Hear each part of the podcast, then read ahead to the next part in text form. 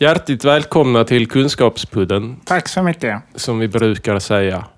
Idag har vi ett kontroversiellt eh, ämne angående personlig eh, integritet och vad som egentligen är rätt och riktigt att utsätta sig själv för. Ja.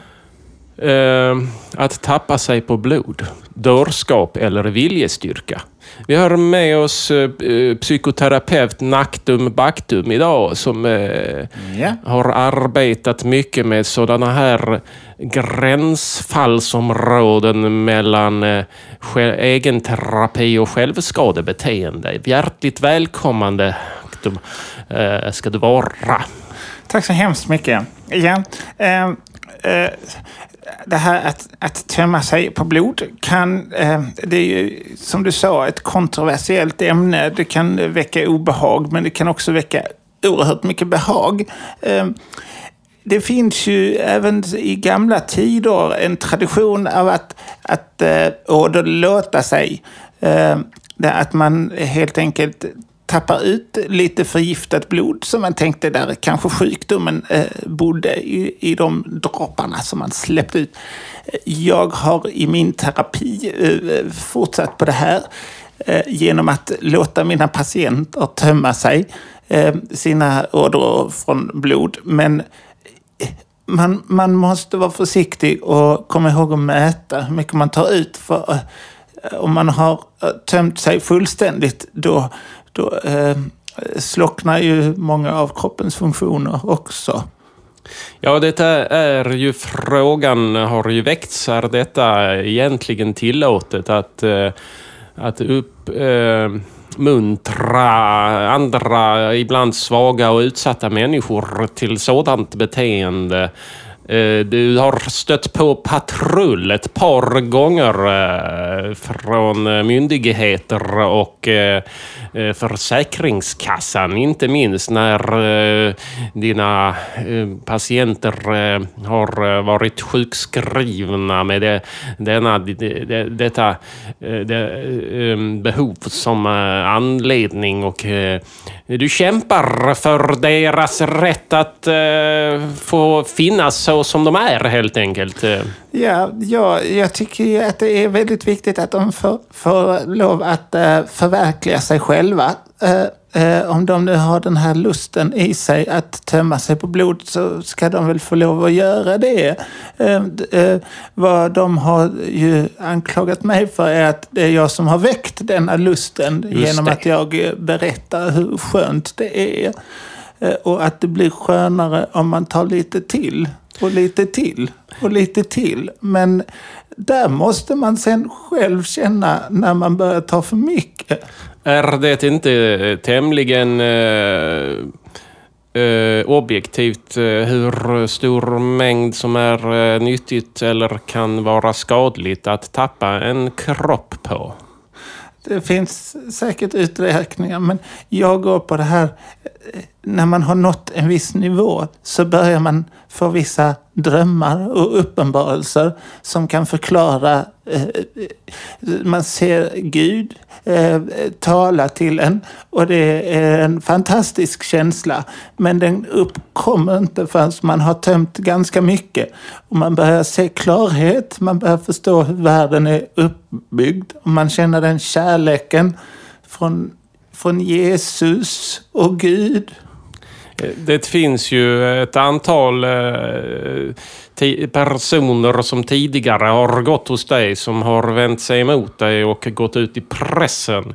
Eh, men deras eh, drift verkar ju inte ha varit en sådan eh, genuin vilja av blodtappning som du nu beskriver. Utan det verkar snarare ha varit fråga om ett förvridet skönhetsideal inspirerat av vampyrism där animism, ett anemiskt utseende vill var det de, det de ville uppnå. Eh, var... Ehm, där har vi ytterligare en frågeställning. Ska, vad, vad kräver du av dina deltagare för att det hela ska uppfattas eh, i dina ögon som, som eh, seriöst och inte eh, skadligt eller ytligt? Jag har, jag har ju två stycken infallsvinklar i det blodtappningen. Den ena är den, den sinnliga, den eh, sakrala stämningen man kan uppnå under blodtappningen. Och den andra är ju, som du påpekade, ett, just det handlar om skönhetsidealen. Att kunna få en vacker blek hy. Eh, och då gör vi det inför att man ska gå på en festlighet eller någonting. Att man tömmer näst till hälften så att man får ett, ett lugnt Eh, fridfullt sinnelag, en blek, vacker, ömtålig hy. De här patienterna som eh, eller eh, då kunderna som du refererade till som, som klagade på mig, de gick ju så långt så att de till och med kallade det här för dårskap. Och det tycker jag känns oerhört kränkande för att dårskap är ju det sista det ändå är. Det är ett starkt ord, det kan jag hålla med dig om. Eh, dock så är det ju en väldigt ovanlig eh, syssla, kan man tycka. Det är inte många som frivilligt tappar sig på blod, i alla fall i de mängderna som ni gör. Räcker det inte med att eh, skänka blod till blodbanken och sådär? Eh, det, det, kan man ju naturligtvis också göra. Men eh, vi har, ju användning för det här blodet vi tappar också. Och det vill jag Men kanske inte gå in men Vad gör ni? Var, det, det vill jag inte gå in på nu, vad vi har, har det till. Utan, Hur kommer jag, det sig? Eh, men jag vill återkomma till det här att den här sköna känslan man ändå får. Vi får inte glömma den. Att det är en positiv känsla man kan känna när man passerar gränser för sig själv och, och vågar ta sig själv ett par steg längre än man annars vågar. Det, har... det handlar om att utmana sig själv. Och det, det är många människor som glömmer att göra det. Här, här är man verkligen tvungen att, att ta, bära sig själv över tröskeln. Att lyfta sig själv i svansen. Vilka problem eller eh, neuroser, diagnoser, eh, sjukdomstillstånd är det som eh, du eh, som du har kunnat bota eller eh, förmildra med denna metod? Det är särskilt eh, sånt som har med hyperaktivitet att göra. Man får ett lugnare sinnelag.